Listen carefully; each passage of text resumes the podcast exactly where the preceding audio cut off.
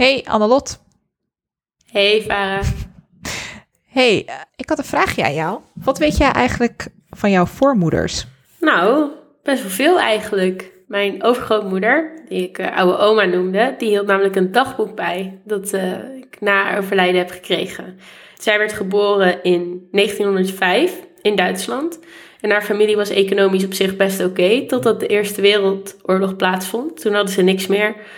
En toen is zij naar een zendingsonderwijzeressen-seminarium gegaan. En ze begon daaraan iets dat eigenlijk heel erg klinkt als een hele spannende opleiding. Er waren allemaal andere leerlingen en bezoekers uit allerlei landen en allerlei koningshuizen kwamen langs. En in 1930 wordt ze dan vervolgens op pad gestuurd. En dan gaat ze voor zes jaar lang lesgeven in Indonesië op een meisjesinternaat. En uh, nou, ze komt daar aan en ze moet de taal leren, de Batakse taal noemt zij het. En ze krijgt ook Maleisische les van haar collega's. En ze moet Nederlands leren. En dat leert ze door bij de vergaderingen van de Hollandse leraren te gaan zitten. Dat zijn veertien mannen en mijn oude oma samen in een ruimte. Waar zij dus als Duitse elke week iets beter begreep wat er dan gezegd werd. En in die vergaderingen, daar ontmoet vervolgens mijn overgrootvader. En dat is de heer Zweres die haar allerlei Hollandse boeken begon te lenen, om zichzelf eigenlijk een soort excuus te geven om daar dan met haar over te kunnen praten. Ze mochten niet bij elkaar binnenkomen, dat was niet toegestaan, omdat ze niet getrouwd waren. Dus moesten ze buiten voor het huis praten. En vervolgens ontvangt zij dan in 1932 een brief van de heer Zweres, waarin, zoals zij dat dan schrijft, haar, hij haar meedeelt dat hij haar lief heeft. En die brief oh. zag ze helemaal niet aankomen en die vond ze eigenlijk ook best even schrikken, want als ze um, met hem zou trouwen, dan zou ze handelingsonbekwaam worden verklaard en niet meer mogen werken. En ze voelde echt heel sterk haar roeping. En die voelde ze aan zich trekken. Dus ze zei, ja, ik moest er best wel lang over nadenken. Maar uiteindelijk volgt ze toch haar hart en zegt ze ja tegen zijn aanzoek. En iemand van hun vriendenkring die besluit dan... oké, maar ze moeten wel een plekje hebben om elkaar wat beter te leren kennen. Want ze mogen pas trouwen als er toestemming is vanuit het internaat... als er een vervanger is gevonden. Um, en nog steeds niet bij elkaar naar binnen. Dus wordt er aan, uh, achter het station eh, aan de heining van de rivier wordt er een bankje gebouwd, een overkapbankje, waar ze dan buiten het zicht van de mensen ongezien samen heen kunnen zonder regels te breken. Um, nou ja, op een gegeven moment gaan ze dan trouwen. Volgens mijn oma was de hele gemeenschap van Butar daarbij. Want ze hadden nog geen witte Europeanen in hun kerk zien trouwen. Dus heel veel mensen kwamen daarbij kijken. En er waren twee grote dagen van feest. De eerste dag waren er 75 Europese gasten die aan gedekte tafels het huwelijk vierden. Uh, met mijn opa en oma. En de tweede dag waren er, zo schrijft mijn oma, 400 inheemse gasten die met varkens op het spit het huwelijk kwamen vieren. Mijn, mijn oma schrijft dan specifiek een passage die ik best wel bizar vond over een jonge man die in zijn jonge jaren nog menseneter was en nu via de Heer en het evangelie een goede helper van de kerk is geworden.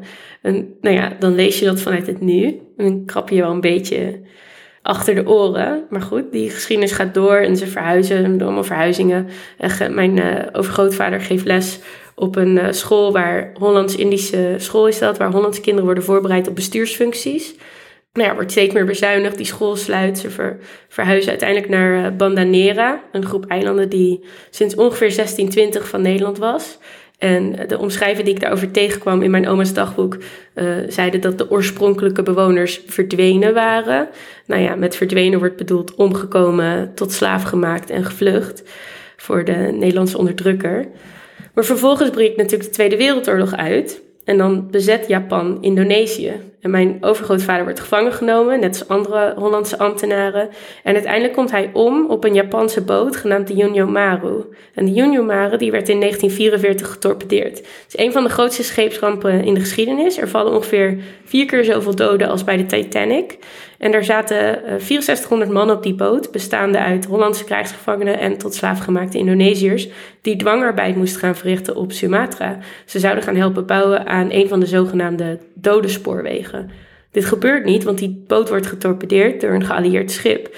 Um, die hadden niet door dat het ging om een schip met krijgsgevangenen, omdat Japan zich niet aan de conventie van Genève hield en dus geen groot rood kruis op het schip had gezet dat dat communiceerde. Hadden ze dat wel gedaan, dan was die boot met rust gelaten. Dus dat is eigenlijk een heel naar ongeluk. Nou, mijn oma komt in diezelfde tijd met haar drie kinderen, uh, dus mijn opa, oud-tante en oud-oom, terecht in een kamp in Solo en maakt daar uiteraard hele nare dingen mee, waar ze ook nooit over heeft willen praten. En wanneer dat kamp bevrijd wordt, is mijn oud-tante te ziek om te kunnen reizen. Dus ze kunnen niet naar huis terug. En uiteindelijk was dat iets wat hun leven heeft gered. Want de aanhangers van Sukarno plunderden op dat moment hun huis en lieten daar niks van heel. Um, nou ja, ze komen in een ziekenhuis terecht en daar moeten dan uiteindelijk de Japanners ze beschermen voor die troepen van Sukarno, want dat was beloofd tijdens de capitulatie.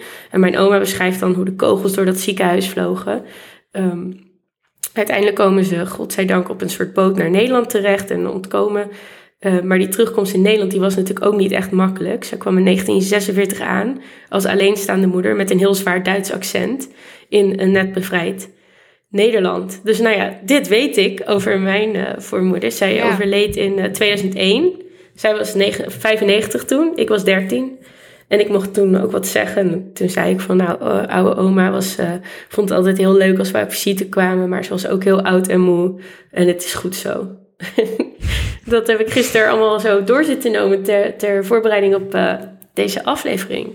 Ja, want we gaan het hebben over uh, voormoeders.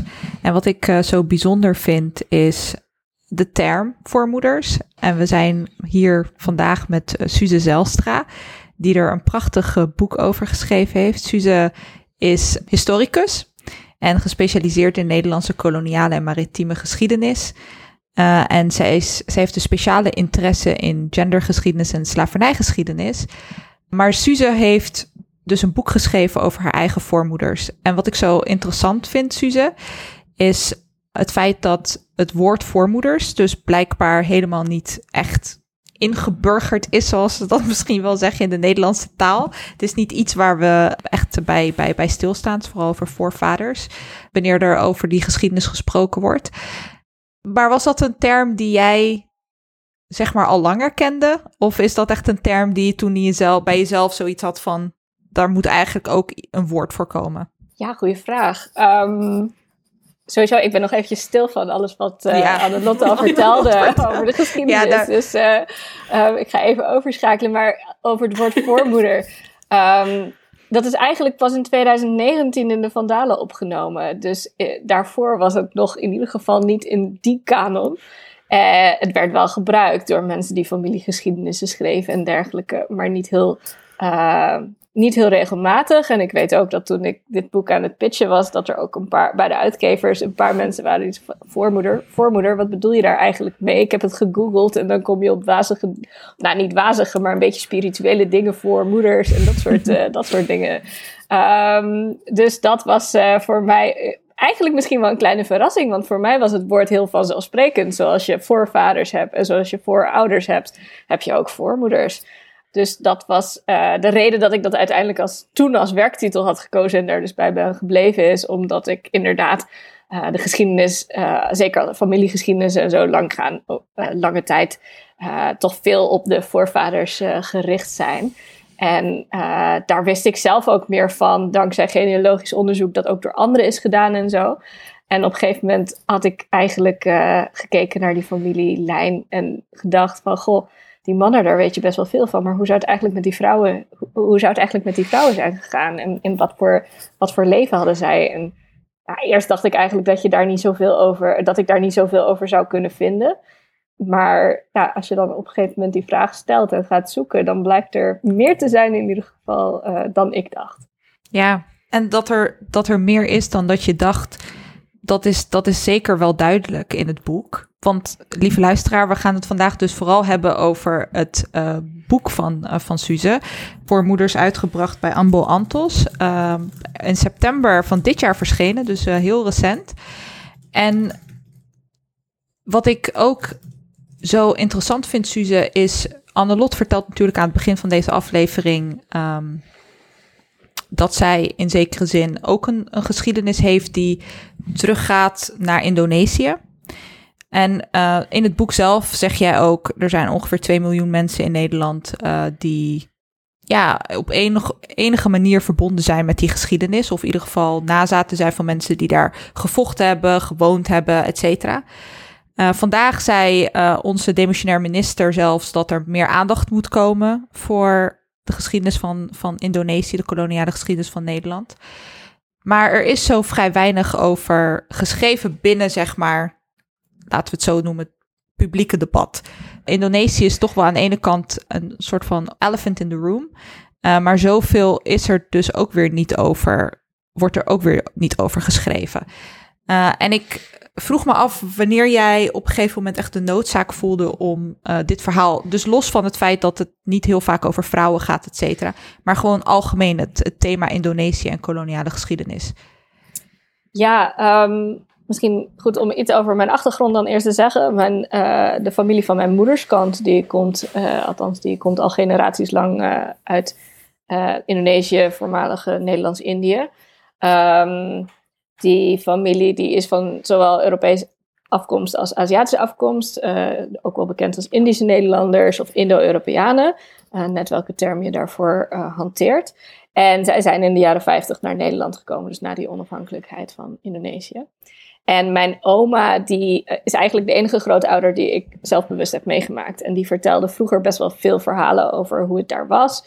Uh, met name de tijd voor de oorlog, zeker toen we jonge kinderen waren.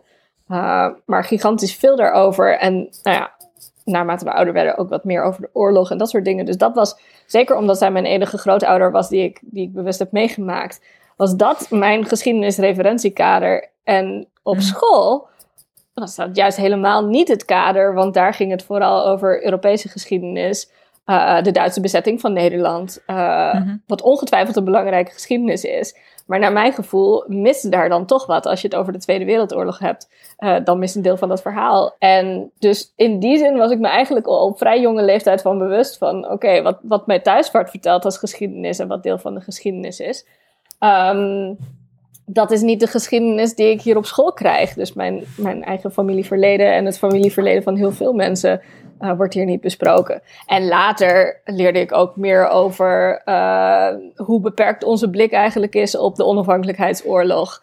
Uh, dat lange tijd zijn Nederlandse militaire acties daar in Nederland in ieder geval politionele acties genoemd. Terwijl het om een bezettingsmacht ging die probeerde de macht terug te grijpen en het land opnieuw te bezetten. Um, dat soort dingen. En uh, ja, het feit dat de VOC voornamelijk bekend stond om uh, de fantastische handelsgeest en niet om al het geweld en alle onderdrukking die um, ingezet werd om die winsten te behalen. Dat soort, uh, dat soort dingen. Dus ik denk dat als je sowieso die hele brede geschiedenis kijkt, dat we lange tijd het vanuit een specifieke blik hebben bekeken. En dat het uh, in die zin hoog tijd wordt om die blik te verbreden. En ik denk ook al dat dat, dat aan het gebeuren is. Verschillende onderzoeken die gaande zijn, um, maar ook rechtszaken die tegen de Nederlandse staat, staat worden mhm. gevoerd. Om, om het oorlogsgeweld dat begaan is tijdens de onafhankelijkheidsoorlog door Nederland. Um, dat, soort, uh, dat soort dingen. Um, ja, en tegelijkertijd denk ik dat er ook al heel veel geschreven is, maar dat dat dan, uh, zeker in het verleden, is heel veel Indische literatuur en heel veel geschreven, onderzoeken gedaan en dergelijke.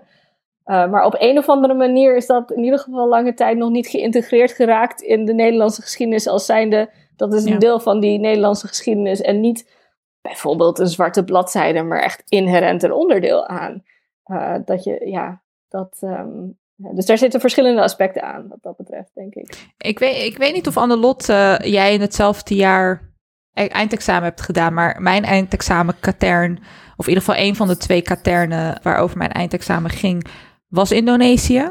En dat herinner ik me nog. En dat was inderdaad, zoals jij zegt, best wel algemeen. En de rol van Nederland was altijd heel ambigu ja, ze zaten daar. Ja, ze zaten daar sinds de Gouden Eeuw. Dat werd er dan, uh, zo werd dat dan beschreven. En waar, de, waar het wel over ging, was vooral zeg maar ook de Koude Oorlog. En ja, een soort van de rol die dan Indonesië daarin speelde, of Azië in het algemeen. Maar zoals je zegt, het, het werd soort van losgerukt van de Nederlandse geschiedenis, als het ware. En, en, en die continuïteit die, die miste ik heel erg, zeg maar, tijdens het... Of in ieder geval, dat realiseerde ik me op dat moment natuurlijk niet. Ik was al, al, al lang blij dat ik alle feiten, feiten kende om het examen te kunnen afleggen. Uh, maar nu achteraf gezien denk ik, wauw, weet je, dat was ook al toen der tijd helemaal niet zo... Uh, ja, he helemaal niet op zo'n manier beschreven. Ik weet niet, Annelot, was jij in hetzelfde jaar...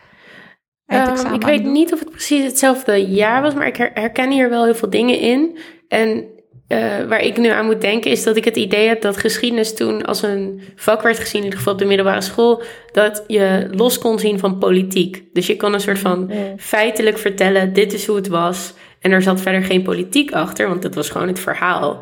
En ik denk dat dat nu heel anders wordt gezien. En niet door iedereen, want ik zat toevallig voor deze uh, aflevering nog te luisteren naar een uh, andere podcast. Die heet Mijn Moeder de Soldaat. Ik weet niet of jullie dit kennen. Maar dit gaat over een mevrouw die een soldaat was bij het KNIL. En uh, Koninklijk Nederlands-Indisch leger, um, die daarheen ging na de Tweede Wereldoorlog. En ergens in aflevering 4 of 5 komt eigenlijk de journalist die de podcast maakt, uh, Jorien Ballast heet zij geloof ik, heel erg in de knoop met dat ze zegt, ja maar ik wil hier geen politiek verhaal van maken. En ik word mhm. toch een soort van gedwongen om misschien toch te zeggen, ja maar dit klopte helemaal van geen kant. En ik vond dat zo interessant dat zij aan dat hele project kon beginnen. En nog steeds kon mhm. denken, maar dit wordt niet een politiek verhaal. Het is een geschiedenisverhaal. En toen dacht ik, er bestaat toch helemaal niet een geschiedenisverhaal dat niet politiek is? Nog steeds kunnen wij denken blijkbaar dat we een verhaal kunnen vertellen over het koloniale verleden. Dat op de een of andere manier geen politieke implicaties heeft of ladingen heeft. Waarin iedereen gewoon een soort personage een soort in een apolitiek. Ja, ja dat is toch heel opmerkelijk. Een uh, toneelstuk, ja. Ja, dat, maar zo, zo wordt er wel, zeg maar, normaal gesproken uh, ja, over koloniale geschiedenis ja, verteld, als het ware, als iets wat in dat tijdperk plaatsgevonden heeft. En dat had vast wel allemaal goede redenen en daar wij soort van, van geprofiteerd. Maar hoe dat doorwerkt in onze geschiedenis vandaag de dag, uh, dat is zeg maar een vraag die dan niet aangekaart wordt, want dat is heel ongemakkelijk. En een van de dingen, Suze, die wat ik zo bijzonder, want laat me eerst vooropstellen. Uh, ik ben natuurlijk uh, zelf ook uh, historicus en ik wil je echt even een compliment geven voor het feit dat je, ondanks het, weet je, het feit dat je natuurlijk schrijft voor een breder publiek, toch in staat bent geweest om te doen wat een historicus doet. En dat is op basis van de bronnen een verhaal creëren waarin je dus aan de ene kant stelt van oké, zo is het geweest, maar omdat jij dus, en daar gaan we zo over hebben, weinig bronnen kon terugvinden, dat je wat je gedaan hebt voor de lezer is een soort van scenario geschetst, meerdere scenario's geschetst van oké, ik heb niet de bronnen misschien om de verhalen te vertellen over mijn uh, eerdere voormoeders. Maar ik kan jullie wel op basis van de secundaire literatuur, of in ieder geval de literatuur die er bestaat hierover, vertellen hoe het waarschijnlijk zou zijn geweest. Uh, en ik vond dat je dat zo mooi, zo mooi hebt gedaan in dat boek. Dat je ook op die juiste momenten uh, ook eerlijk bent geweest naar de lezer. Van ik, uh, ik kan dit niet zeggen op basis van wat ik gevonden heb over deze voormoeder. Maar wat de andere historici gezegd hebben over hoe vrouwen in die, dat tijdperk leefden, kan ik wel dit soort conclusies trekken. En, en dat, dat vond ik dat je dat heel mooi in het, in, het, in het boek gedaan hebt. Maar dat brengt me natuurlijk wel bij een van de belangrijke soort van thema's die in, in het boek worden aangekaart. Maar um, ja, misschien niet voor de gemiddelde luisteraar um, ja, vertrouwd zijn, omdat niet iedereen natuurlijk een historicus is.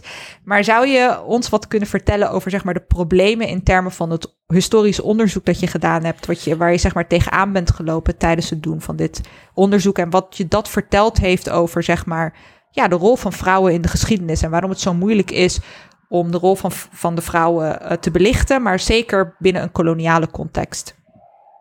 Ja, zeker. Uh, nou, sowieso heel fijn om te horen natuurlijk dat je het uh, op die manier hebt gelezen. Want dat was ook wel mijn bedoeling om juist die onzekerheid weer te geven.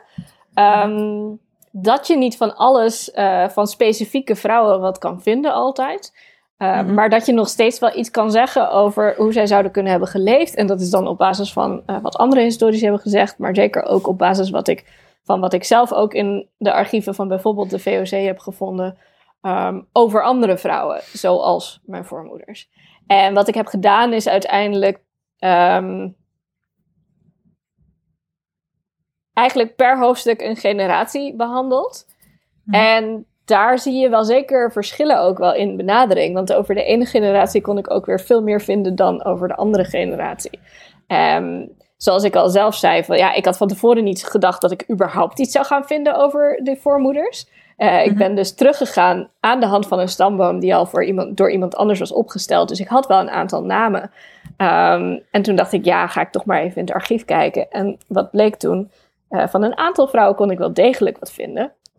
En het verschil zat erin van vind je nou wel iets of vind je nou niet iets, lag heel erg aan uh, de afkomst van die vrouwen. Dus ik begin mijn boek eigenlijk met uh, het hoofdstuk dat ik de ontvindbare moeder heb genoemd. Omdat ik er mhm. niet kon vinden, maar uh, wel graag over haar wilde schrijven. Uh, zij was ja, Aziatische vrouw die een kind kreeg met een Europese man die voor de VOC werkte. waarschijnlijk was zij een slaafgemaakte vrouw. Dat kan ik op basis van verschillende dingen stellen, namelijk de positie van die man en nog een aantal andere bronnen die ik had gevonden. Maar goed, dat kan ik dus niet zeker zeggen. Maar ik kan wel denken van oké, goed, slaafgemaakte vrouwen in die tijd. Uh, zeker in VOC-huishoudens, hoe werden zij behandeld? Wat was hun positie? Um, ik heb voorbeelden van andere vrouwen die ik in de bronnen vind. Die bijvoorbeeld in een testament genoemd zijn als zijnde mm vrouwen die vrijgemaakt gaan worden in de toekomst door de man die hun uh, in eigendom hield. Um, dus dat heb ik voor dat hoofdstuk gedaan. Maar haar dochter, wat dus een dochter is van een Europese man en een Aziatische vrouw, die geadopteerd wordt door die Europese man, want haar ouders waren niet getrouwd, um, die krijgt dan die Europese achternaam. Haar vader is, uh, die klimt op tot gouverneur. Zij heeft een best wel goede positie. Haar vader is rijk en zij krijgt dus ook wat van dat geld mee waarschijnlijk. Ehm, dus die heeft een heel andere status in die samenleving. En die gaat trouwen en die krijgt kinderen. En dat het wordt uh, netjes in de archieven uh, of uh, in de bronnen opgetekend. Haar kinderen, dat er daar dan weer geld voor opzij wordt gezet. Dat soort dingen, dat wordt opgetekend. Maar ook later in haar leven, op het moment dat zij een erfenis van iemand van haar zus krijgt. super veel details daarover. Um, en dat heeft allemaal te maken met dat bezit en dat dat moest worden mhm. vastgelegd en wie bij mhm. wie hoorde in die Europees-christelijke kant van de samenleving, al had zij dus een Aziatische moeder. Um, en dat soort dingen werden dan wel genotuleerd. En mhm. daar kan ik dus, over haar kan ik veel specifieker zijn van, oh, hoe zou dat leven eruit zijn, uh, hebben gezien en op welk moment uh, gebeurde wat. En ik denk juist die onzekerheid of, over die moeder van haar en dat er juist veel meer bekend is over haar, uh, dat wilde ik er goed in laten zien, omdat het juist zoiets zegt over die ongelijkheid in de samenleving. Want wie, over wie was het nou de moeite waard? Mhm. Vond men de moeite waard uh, iets over op te schrijven, anders dan dat een persoon als bezit werd gezien en misschien als een nummertje ergens op een handelslijst vo voorkwam? Wat vaak het geval is met mensen die in slavernij zijn verhandeld uh, in VOC-Azië. Um, of dan de dochters daarvan, die opeens begeerlijke huwelijkskandidaten waren, omdat er maar weinig Europese vrouwen of deels Europese vrouwen waren in VOC-Azië. En dat dus al die mannen die daarheen kwamen en uh, eventueel een huwelijk wilden sluiten, um, uh, die, dat, die dat interessant vonden. En dat ze dus een, ja, die hadden een compleet andere status. Dus uiteindelijk is dan, ik heb het wel over vrouwen, maar mhm. zeg maar, wat mhm. voor hoofdstuk je kan schrijven en hoeveel je weet van iemand ligt heel erg uh, ook aan wat was dan binnen die grote groep van vrouwen de positie van uh, de vrouw waar ik het dan over heb. En ja, die koloniale maatschappij is zo ongelijk en dat, dat werkt ook binnen die brede groep van vrouwen door. Ja, want uh, ik, ik, ik, was dus met, uh, met Anne-Lotte ook hierover in gesprek voorafgaande aan, ja, aan deze aflevering. Omdat wat wij zo fascinerend vonden is dat, jij zegt dat ook, van het enige wat je eigenlijk over die vrouwen kon vinden, um, heeft te maken met bezit. En zeg maar de, de structuur en het idee achter dat koloniale archief, dat dat eigenlijk een soort van, ja, zouden we het ook een soort van misschien een kapitalistisch archief kunnen noemen in zekere zin. Uh, omdat het zeg maar daar binnen zeg maar die structuren alleen over die mensen nagedacht werd. Van zijn ze bezit? Uh, uh, wat voor geld wordt er gegeven aan wie? Weet je, dat soort vraagstukken. En waar het me ook aan deed denken. Uh, ik heb natuurlijk Anne-Lotte aan het begin van deze aflevering gevraagd naar haar voormoeders. Um, en jij zegt van ik kon mijn eerdere voormoeder niet vinden en, en, en de complexiteit daarvan. Maar wat ik ook zo interessant vond, de realisatie, uh, Suze en Annelot, is dat ik kom zelf natuurlijk. Uh, ik heb mijn voorouders komen niet uit Nederland, maar ook niet uit uh, voormalig gekoloniseerd gebied. In ieder geval niet tot de Fransen er kwamen.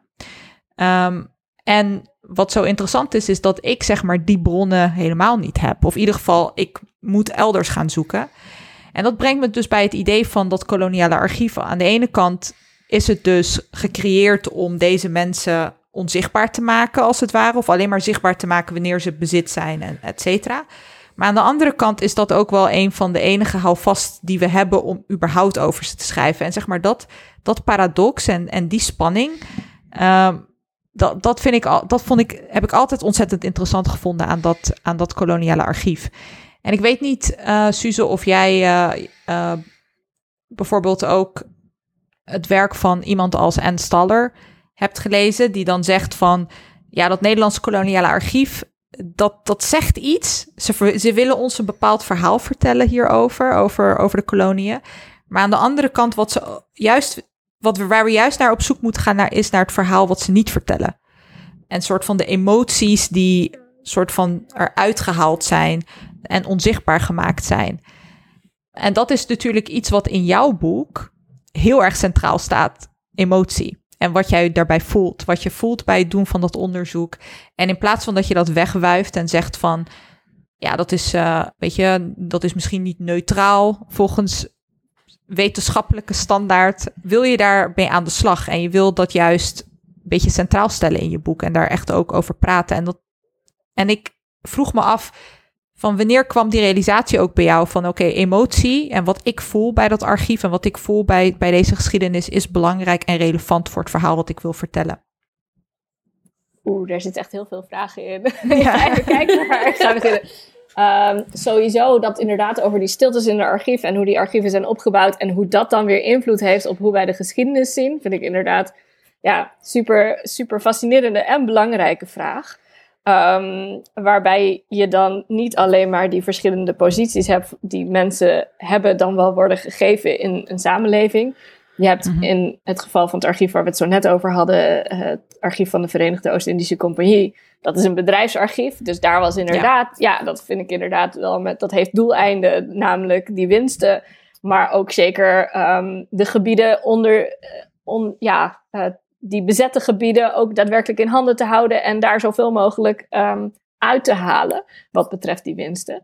Um, maar dus dat, zeg maar, al het papierwerk dat van de compagnie omging, dat, dat had inderdaad, uh, was met een bepaald doel geschreven door die, die Europese mannen die voor de VOC werkten en uh, die klerken die dan voor de compagnie werkten. En later, en dat vind ik ook weer zo interessant aan deze geschiedenis, later worden die klerken, dus een beetje een soort van de, de, de ambtenaren van de VOC, mhm. zijn ook steeds vaker mannen van Europees-Aziatische afkomst. Um, die dan niet tot de hoogste rangen van de VOC doorstijgen, mhm. maar wel um, in ieder geval voor de campagne erg nuttig zijn, omdat ze het land goed kennen, omdat ze uh, gehard zijn tegen het klimaat. Uh, uh, veel mensen die uit Europa kwamen, die gingen binnen een jaar dood. Um, Alleen al vanwege de um, gezondheidsomstandigheden die ze niet gewend waren. Dus dat soort dingen. Dus de, daar komen heel veel verschillende dingen samen in, in alleen al zo'n archief. Um, en dat is dan de 18e eeuw. Wat ik dan ook weer interessant vond om te merken, is dat je in de loop der tijd veranderen die bronnen ook die je kan gebruiken. Mhm. Dus later kom ik natuurlijk, nou in de 19e eeuw zit ik met kranten en familieadvertenties. Um, eind 19e eeuw kom ik in de buurt van verhalen die mijn oma heeft doorgegeven. Of in ieder geval herinneringen die zij dan weer heeft meegekregen. En dan kom je met persoonlijke foto's. En opeens uh, eh, 20e eeuw uh, ook kookschriften waar dan weer van mijn bed over grootmoeder recepten in staan. Um, dus dat, um, zeg maar, wat je over die koloniale geschiedenis kan schrijven, het maakt ook nog eens uit in welke tijd je zit. En, en of je verder kijkt dan alleen het formele archief, waar alles mhm. netjes, uh, netjes door archivarissen is bewaard.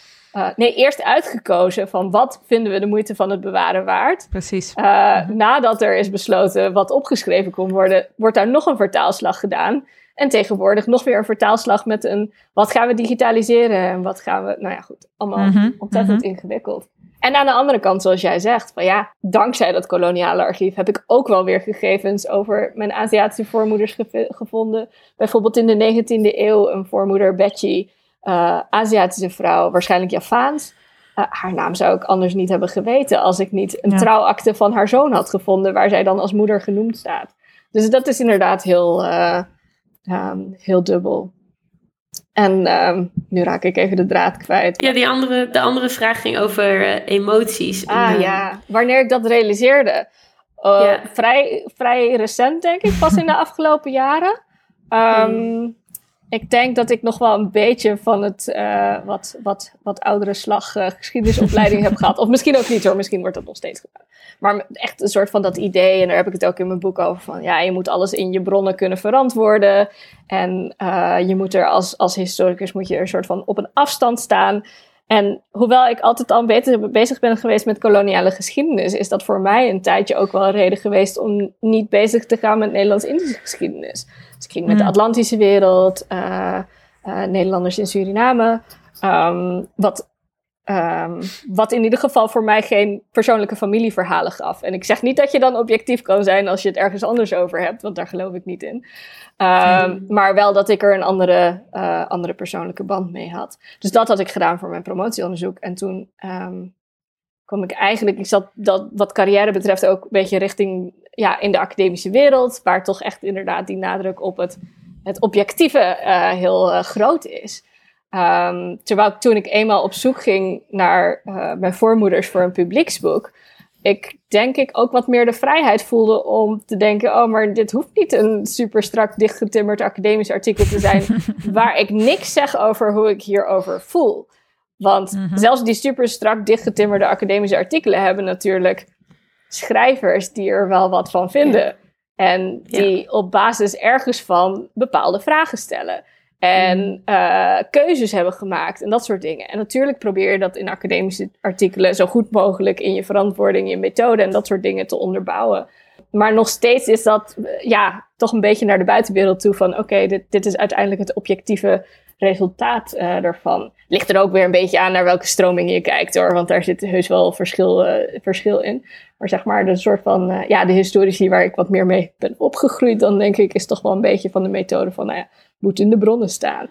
Terwijl als je wil weten over mensen die dus niet in die bronnen gerepresenteerd zijn, of minder in die bronnen gerepresenteerd zijn, uh, daar kwam ik dus in de loop van het schrijven achter. Van ja, maar dan, dan moet je ook op een andere manier gaan schrijven. Of je in ieder geval op een andere manier vragen stellen. En ja, in het verleden zijn we natuurlijk op het moment dat het nog heel gewoon was om over de grote mannen te schrijven, was het mhm. heel vanzelfsprekend dat je daar ook bronnen over kon vinden. Uh, in ieder geval in een grotere overvloed. En dat je dus altijd op die bronnen kon baseren. En dat is natuurlijk een beetje wat onze historische methode in het verleden heeft uh, gevormd. En dat is wat we mee hebben gekregen. Terwijl nu juist de vragen anders zijn. En we dus ook eens anders zouden moeten gaan kijken naar: oké, hoe schrijf je dat dan op?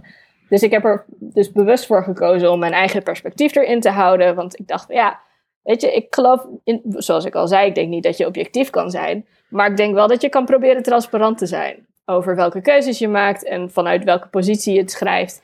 Um, en dat is, uh, hoewel het voor een publieksboek was en ik dus iets meer die vrijheid voelde, denk ik dat het ook uh, de geschiedschrijving in bredere zin uh, wel goed zou doen. Um, en als, welke, welke emoties kwam je zo al tegen? Um, nou ja, oorspronkelijk, um, en dat is denk ik een, een verhaal wat veel ja, mensen met een Indische, Nederlands-Indische achtergrond wel herkennen. Um, is het vanuit de familie in ieder geval um, mm-hmm. helemaal geen gewenste migratie geweest. En ze konden de taal wel, maar verder nou, generaties lang daar. En uh, voor veel mensen ook nog eens een, uh, mensen van kleur, die dus uh, op die manier door Nederlanders minder snel, door witte Nederlanders, minder snel geaccepteerd werden als zijnde jullie horen hier. Um, terwijl ze wel daar altijd al Nederlandse geschiedenis hadden geleerd. Dus dat is een hele rare positie. Um, daar hadden ze. Um, ja, de groep, groep zelf daar was heel gevarieerd natuurlijk ook. Maar wel een zekere positie van privilege ook. Dat mm -hmm. niet, niet helemaal bovenaan de maatschappij, want dat waren vaak witte Europeanen die pas recent daar waren gekomen. Maar zeker ook niet onderaan de maatschappij en daar hebben veel maar goed, daarna kwamen ze dus naar Nederland. En dat was een heel moeilijke, moeilijke overgang. Ook die ontvangst inderdaad, van zoals je, uh, jij ook al noemde, Annelot. Dat vlak, uh, ja, kort na de Wereldoorlog uh, hier Duitse bezetting. Wederopbouw. Men zat niet te wachten op mensen uit, um, uit Indonesië. En dus dat, dat, dat zijn allemaal pijnlijke verhalen van migratie die je met je meedraagt. Die er voor mij ook voor zorgden dat ik eigenlijk het gevoel had dat ik te persoonlijk betrokken was bij deze geschiedenis. Om daar een mhm. soort van die mhm. objectieve geschiedschrijving te kunnen doen. Terwijl ik er later in de loop van de tijd dus juist achter kwam van ja, maar goed, dat, het, het, ehm, dat hoeft helemaal geen obstakel te zijn als je daar wel um, open over kan zijn. Van oké, wat is dan die positie? En, maar je bent wel heel eerlijk, uh, Suze. En je, je zegt wel echt op verschillende momenten in het boek van... dit maakt me boos, weet je. Ja, dit maakt me verdrietig. Dit, ja. uh, um, weet je, hier schrik ik van.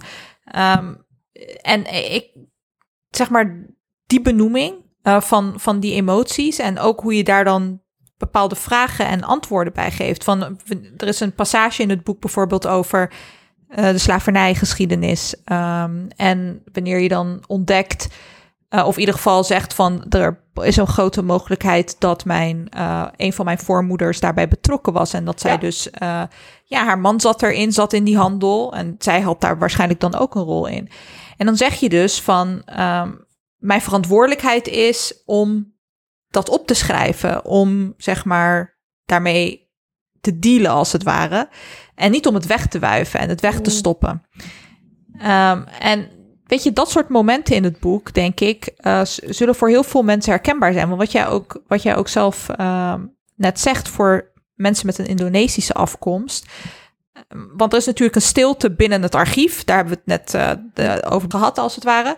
Maar er is ook een stilte binnen de gemeenschap over die geschiedenis, in zekere zin. Of in ieder geval een bepaalde stilte over, over bepaalde facetten van die geschiedenis. En dat is ook iets wat, er, wat in jouw boek best wel uh, goed naar voren komt, vind ik. Wanneer je vooral schrijft over de voormoeders die je echt ook persoonlijk gekend hebt. En wat ze wel en niet vertelden. En dat dat ook een mhm. soort van struggle ja, voor jou was, als het ware. Zeker. Ja, en in die zin is het denk ik voor mij persoonlijk, en dat ligt natuurlijk uh, voor iedereen uh, aan zich op, ja, anders natuurlijk. Maar voor mij was het ook wel goed dat ik een soort van wat, wat, wat jaren eroverheen heb kunnen laten gaan. En een mhm. soort van op die manier, nou geen afstand toe, niet per se afstand, maar toch een, een, uh, ja, een beetje ontwikkelde ook in uh, ja, kennis misschien. Of, of over andere, andere mensen horen hoe ze erin staan. Of kritische, kritische werken van andere mensen leren, lezen. Want um, om nog even terug te komen, ik ben dus um, opgegroeid met die verhalen van pijnlijke migratie en, en, en die, die, die pijnlijke ontvangst hier. Um, maar tegelijkertijd werd het, de geschiedenis daar als ja, voornamelijk mhm. positief gezien. Ja. Terwijl het tegelijkertijd gaat om een familie, en zoals vele families, die ook uh, ja, Indonesische bedienden tegen een vrij laag uh, tot bijna geen inkomen uh, in, in dienst hadden. die profiteerden in zekere zin, of ja, in ieder geval beter werden van de machtsverhoudingen en het houden van de status quo. Um, en die dus helemaal niet zaten te wachten op uh, de onafhankelijkheidsstrijd.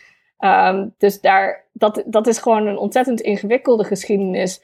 Waar je, als je er, ja, uh, waar inderdaad lange tijd ook uh, binnen verschillende Indische gemeenschappen, of hoe je, hoe je het wil noemen, um, ja, minder ruimte voor was, denk ik, dan dat het langzaam nu begint te komen.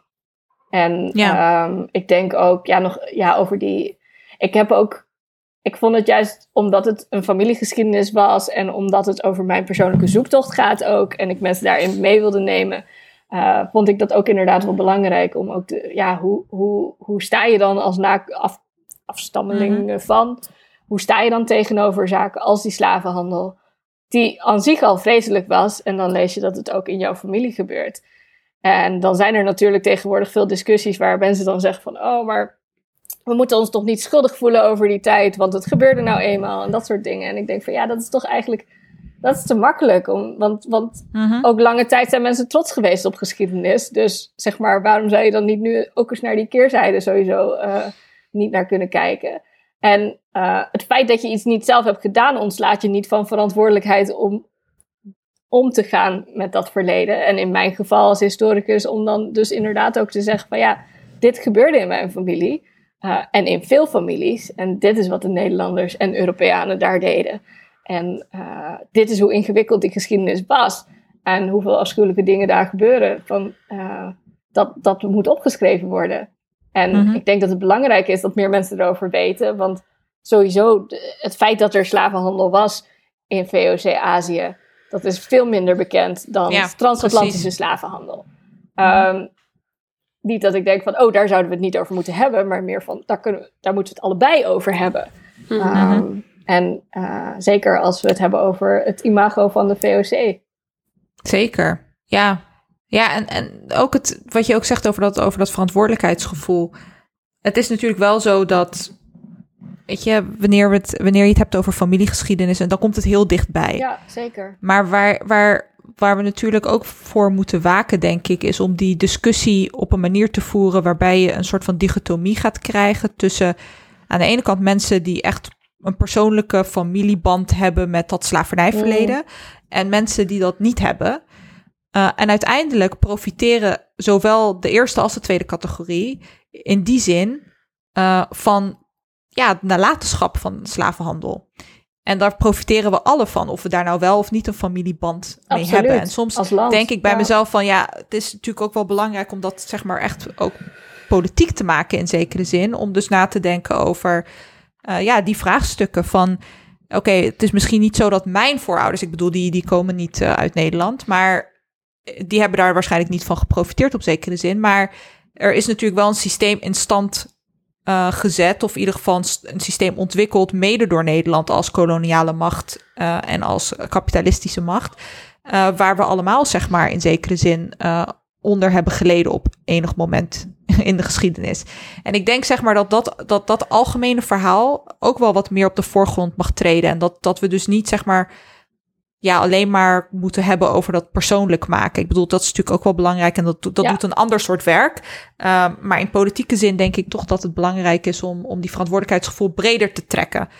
Uh, en dat zeg je ook op het laatst, hè? Jij zegt ook in je boek, nou, die zegt niet dit met zoveel woorden, maar je zegt wel, ik vraag me ook af van welke um, goedkope arbeid profiteer ik vandaag de dag? En dat is misschien niet een slavernijvorm zoals we dat in de geschiedenis hebben uh, bestudeerd.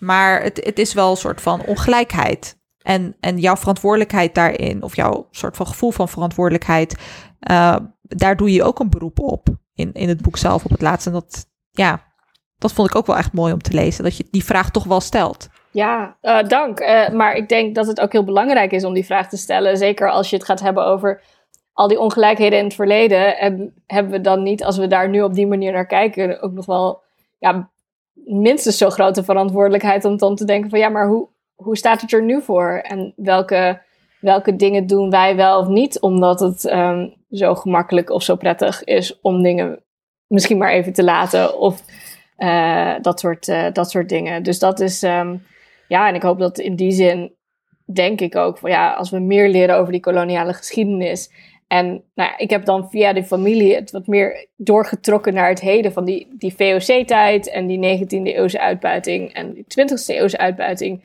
Um, die staan niet los van waar wij nu staan als maatschappij. Uh, mm Dat is heel economisch, maar ook sociaal-cultureel gezien. Wat denkbeelden over welke, wie van welke afkomst waar zouden staan. En ja, racistische ideeën daarbij, uh, die daar uh, in onze maatschappij zijn ontwikkeld. Uh, en ook andere maatschappijen overigens. Die zijn nog steeds springlevend. Dus dat, dat lijkt me wel heel belangrijk inderdaad om te noemen. En ten, wat jij ook zegt over, ja, het is niet alleen maar, oh, ik ben een nazaat van. Dus het is een belangrijke geschiedenis.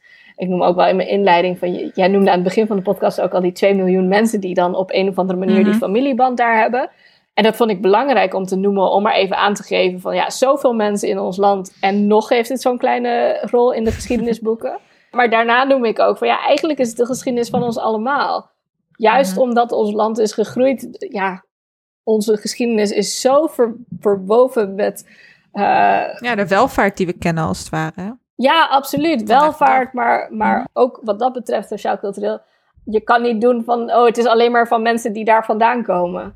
Want dat is mhm. absoluut niet waar. Dat, uh, ja, dat ben ik dus heel erg uh, met je eens. En uiteindelijk hoop je dat Kijk, zo'n familieperspectief is natuurlijk zeker voor mensen die niet, niet heel vaak geschiedenisboeken lezen. Um, Denk ik wel een mooie manier om het persoonlijk te maken en mensen ook mee te nemen op zo'n verhaal. Maar je hoop is natuurlijk ook dat daarmee door die familie een veel bredere geschiedenis getoond kan worden. En dat daar mensen uh, ja, het, uh, vanuit een nieuw perspectief zien of uh, dingen leren waar ze nog niet van wisten. Of dat, soort, dat soort dingen. Of inderdaad Mhm. op een, ja, misschien ook op een andere manier nadenken over, nou, wat is geschiedschrijving eigenlijk? En wat kunnen, over wie weten we eigenlijk wat en over wie niet? En is dat laatste over wie we niet wat weten? eh, misschien nog wel veelzeggender dan over wie we wel wat weten. Over hoe het verleden in elkaar steekt.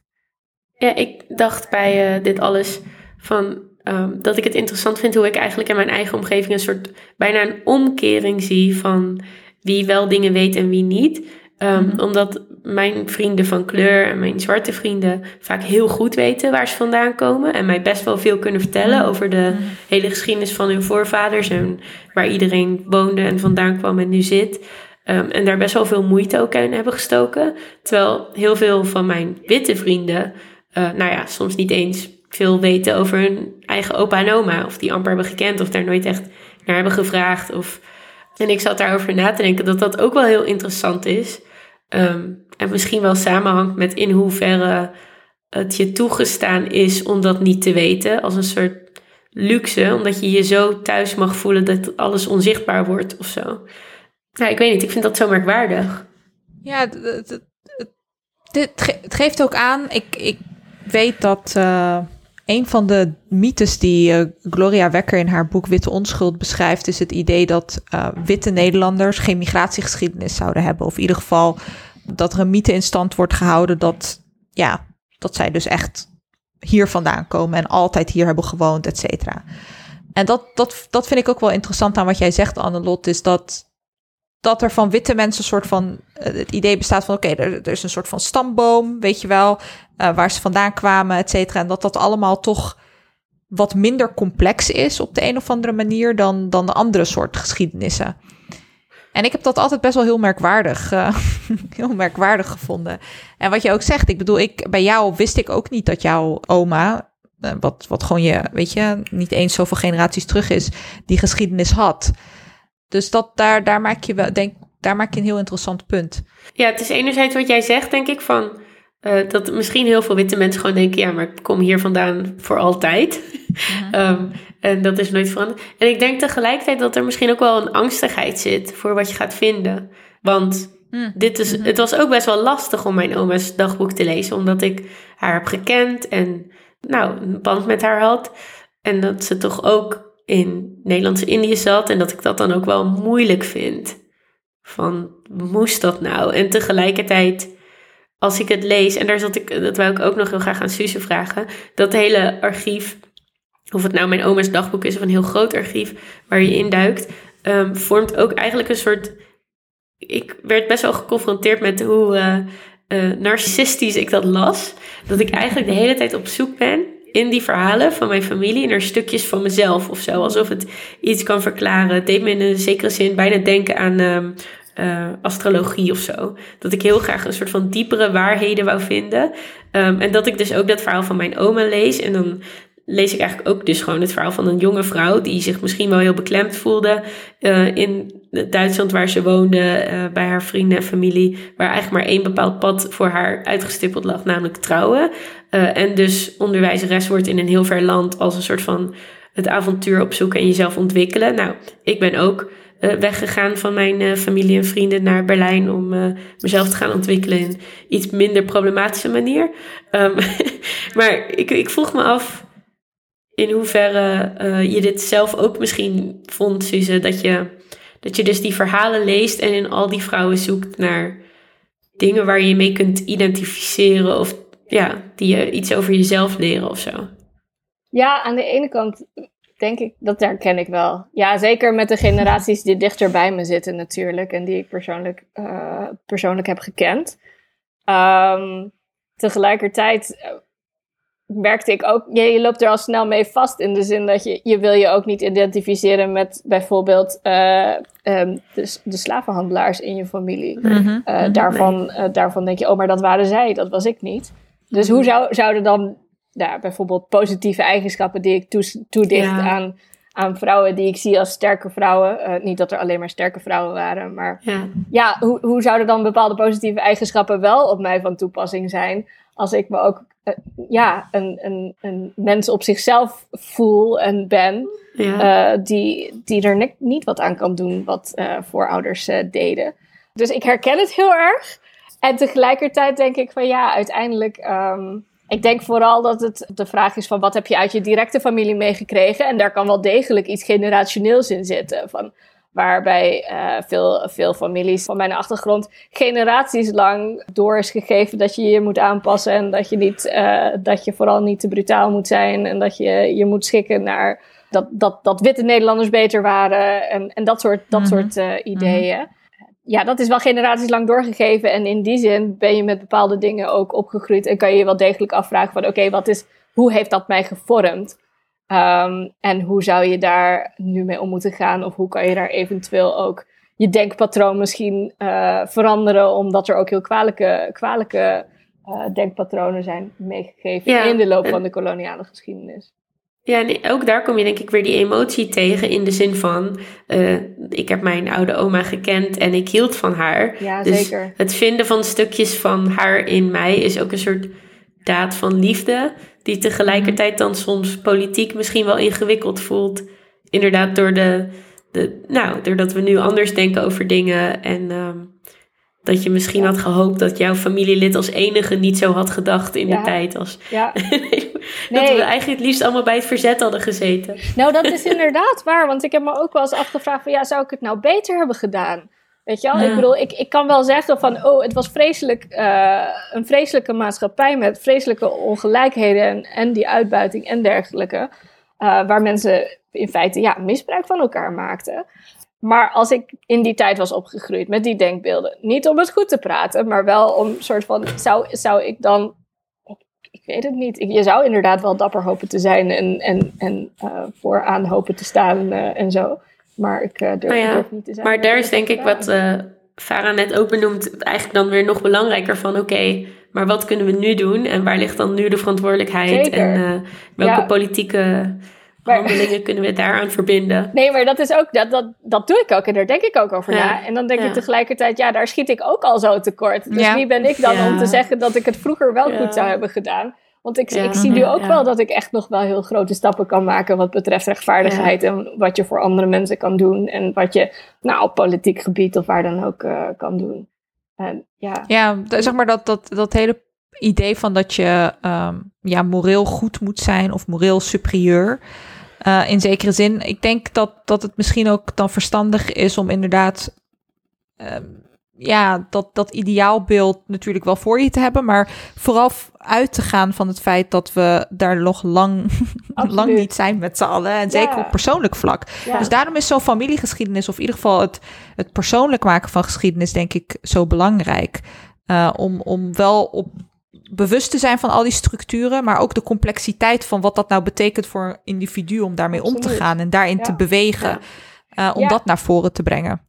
En dat doe je, dat doe je heel voorwaarts. goed, ja. Ja, en, en daarbij ook denk ik die erkenning van, oké, okay, ik ben hier niet perfect in, maar dat ontslaat me niet van de verantwoordelijkheid om het te blijven proberen. Juist. Uh, alleen, ja. uh, in groepsverband, in, uh, nou ja, hoe, het, hoe de ook maar, ja, in verschillende vormen. En dat denk ik, dat, dat, dat vind ik wel heel belangrijk. Van, um, ja. Ik denk dat er, mensen kunnen er stappen in maken.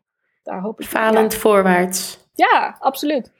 Ik wil de aflevering niet heel erg uittrekken, Suze. Maar er was nog wel één dingetje wat ik uh, nog heel graag aan jou wilde, uh, wilde vragen en wilde voorleggen. In het boek zelf worstel je heel erg met, het, met ras, als het ware. uh, ik zou het zo willen, willen noemen. je benoemt dat jij natuurlijk die Indonesische roots hebt, maar dat dat niet aan jou te zien is. Fysiek aan jou te zien is. En wat, wat mij dat deed realiseren tijdens het lezen van het boek, is dat wanneer we het bijvoorbeeld hebben over witheid en geschiedenis daarvan en witte superioriteitsdenken, natuurlijk gaat dan de aandacht volkomen terecht ook uh, vooral naar de mensen die daar uh, onder lijden, omdat ze daar geen onderdeel van uitmaken. Maar wat jij ook zo, wat jij ook eigenlijk aan het beschrijven bent in je boek, is dat er ook een grote groep in Nederland aanwezig is die eigenlijk door die witheid een geschiedenis ontnomen wordt of een identiteit, omdat zij er niet zouden uitzien zoals ja, het algemene idee is over hoe mensen uit die gebieden eruit zien. En zeg maar het gemis wat daarbij komt kijken. Um, en ik, ik merk toch wel tijdens het lezen van het boek dat je daar ook nog steeds niet echt over uit bent, over hoe je dat nou ja, wat je, wat je daar nou bij voelt of wat je daar nou bij denkt. Uh, dat het nu even een gegeven is dat je misschien nog niet de woorden hebt of de ideeën hebt om daarmee om te gaan. Uh, maar wat heeft het je wel dichterbij um, antwoorden gebracht tijdens het schrijven van dit boek? Ja, ik denk het wel. Nou ja, sowieso vond ik het belangrijk om te benoemen hoe ik daarin sta. Omdat ik dus, het heeft ook gevormd hoe ik in het verleden daarmee ben opgegroeid. In de zin dat je het vanuit huis wel heel erg met de verhalen en cultuur en dergelijke meekrijgt. Maar dat je buitenshuis niet als zodanig wordt herkend, omdat je er behoorlijk wit uitziet. Ik bedoel, vrij mhm. klein voor uh, Nederlandse maatstaven en dat komt zeker van die kant van de familie. Uh, en ik denk, er zijn een aantal mensen die het wel in me herkennen, maar de meeste mensen die categoriseren me als witte Nederlander met inderdaad alleen maar die witte, uh, witte achtergrond. En naarmate mensen je zo zien, is dat ook iets waar, nou ja, waar ik dan misschien ook een beetje in meeging. Om een soort van, mm oh, dat, is, dat is hoe je je dan uh, ja, een soort van in de buitenwereld. met zich mee. Ja. Zeker, ook. Ik vond dat, dat was belangrijk om te noemen dat ik dus niet met racisme op die manier te maken heb gehad. Als, uh, als zijnde uh, dat, het, dat het me op die manier kans heeft ontnomen. Dus dat vond ik sowieso belangrijk om te benoemen. Ook weer in het kader van waar sta ik nou en hoe ben ik opgegroeid. En tegelijkertijd, zeker ook met deze zoektocht en zo, dacht ik van ja, maar verdorie, het is, het is ook wel mijn geschiedenis. En als ik mee ga doen of al, alleen maar meebeweeg in het mensen zien mij als witte Nederlander en ik wil, uh, ja, um, als ik daar alleen maar in meebeweeg, dan ben ik eigenlijk ook mijn geschiedenis aan het uitwissen mhm. van, van de, bijvoorbeeld die Aziatische voormoeders, voorvaders uh, en, en alles wat daarbij hoort. Um, dus ja, dat, dat heeft me wel in ieder geval um, in ieder geval voor mij bevestigd van oké, ik kan dit, dit boek is ook belangrijk om te schrijven in die zin uh, dat mhm. je um, um, dat je juist op die voor, voorouders naar voren haalt als zijnde ja, maar ik wil, ik wil ook niet dat die weggestopt worden. Uh, zoals overigens lang werd gedaan door uh, veel Indo-Europese mensen. dan werd gezegd dat bijvoorbeeld dat, dat, dat um, hun kleur onder andere kwam door Italiaanse voorouders. Om toch maar mm. vanuit dat vreselijke idee dat mensen uit Europa beter waren en een hoger. Uh, hogere dat heb je ook trouwens bij Noord-Afrikanen, hè? Die dan, die dan stellen dat ze uit Spanje of uit Portugal komen. Om niet ja. Uh, ja, daarmee ja, wat, wat, wat aan zich al afschuwelijk mhm. genoeg is, dat, dat, dus, dat mensen dus uh, zo over elkaar denken en over zichzelf ook denken. Um, dus dat is lange tijd gedaan en dat, daarvan dacht ik, ja, maar dat wil ik dus niet doen. En, en anders dan zou ik even ook slecht bezig zijn als ik, uh, ja. um, als ik dat stukje van mijn geschiedenis op die manier bijna zou ontkennen of wegstoppen. Dus um, ja. ja. en ik denk. Ja, maar dat was ook een belangrijk. Dat was echt een, uh, een, mooi, ook een mooi inzicht en wat ook de complexiteit van het, uh, van het geheel heel goed weergeeft. Dus ja, als je dus wilt lezen over familiegeschiedenis, thema's zoals ja, vrouwengeschiedenis, koloniale geschiedenis, uh, migratie, oorlog, ras. Uh, dat kan, Suze, door jouw boek. Uh, heel belangrijk en mooi boek, De Voormoeders. en ik zou het echt iedereen aanraden om te lezen. Ontzettend bedankt dat je er vandaag bij wilde zijn en dat je ja, dit gesprek met, met mij en Annelot aan wilde gaan. Ja, dankjewel. Heel graag gedaan. Jullie dank voor de uitnodiging. Uiteraard. En ja, dat brengt ons aan de lot bij, uh, bij het redelijke midden van, van, van deze week. Wat is het ehm, redelijke midden van deze week? Ja, nou, het redelijke midden van deze week is. Misschien zou het beter zijn voor Nederland als, uh, of beter zijn voor onze democratie eigenlijk, als jongere organisaties vanaf nu gewoon de partijen royeren. In plaats van andersom. mooi uh, ja, mooi idee. Hè? Dat, uh, deze aflevering wordt opgenomen nadat net bekend is dat er weer door de SP gerooieerd wordt. Um, maar goed, nou, lieve luisteraar, dankjewel dat je weer geluisterd hebt naar een uh, aflevering van het Redelijke Midden. Je, als je meer van deze content wil en ook best wel wat extra's, uh, word dan lid van onze Petje Af. Dat kan op Petje Af uh, slash het redelijke midden. En dan kun je voor 2 euro per maand dus uh, uh, kameraad worden en allerlei extra's krijgen. En hoe dichter je bij de sociale klasse van de 1% komt, mag je ook meer geven als je dat wilt. Um, maar alle gekheid op een stokje, dat geld wordt vooral gebruikt om onze afleveringen nog beter te maken. En als je ons wilt blijven volgen, dan kan dat ook op de socials, op Instagram en op Twitter op Redelijke Midden. Uh, en je kunt, kunt ons ook ouderwets mailen. Dat op het redelijke midden at hotmail.com. Nee, Gmail.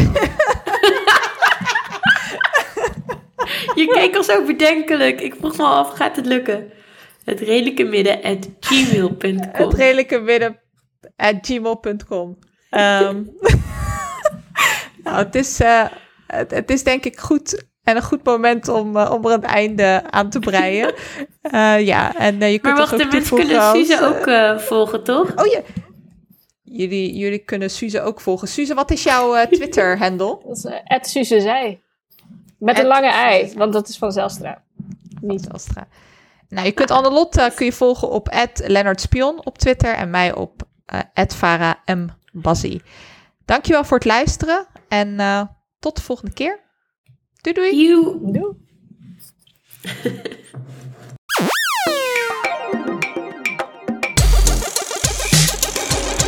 Het midden.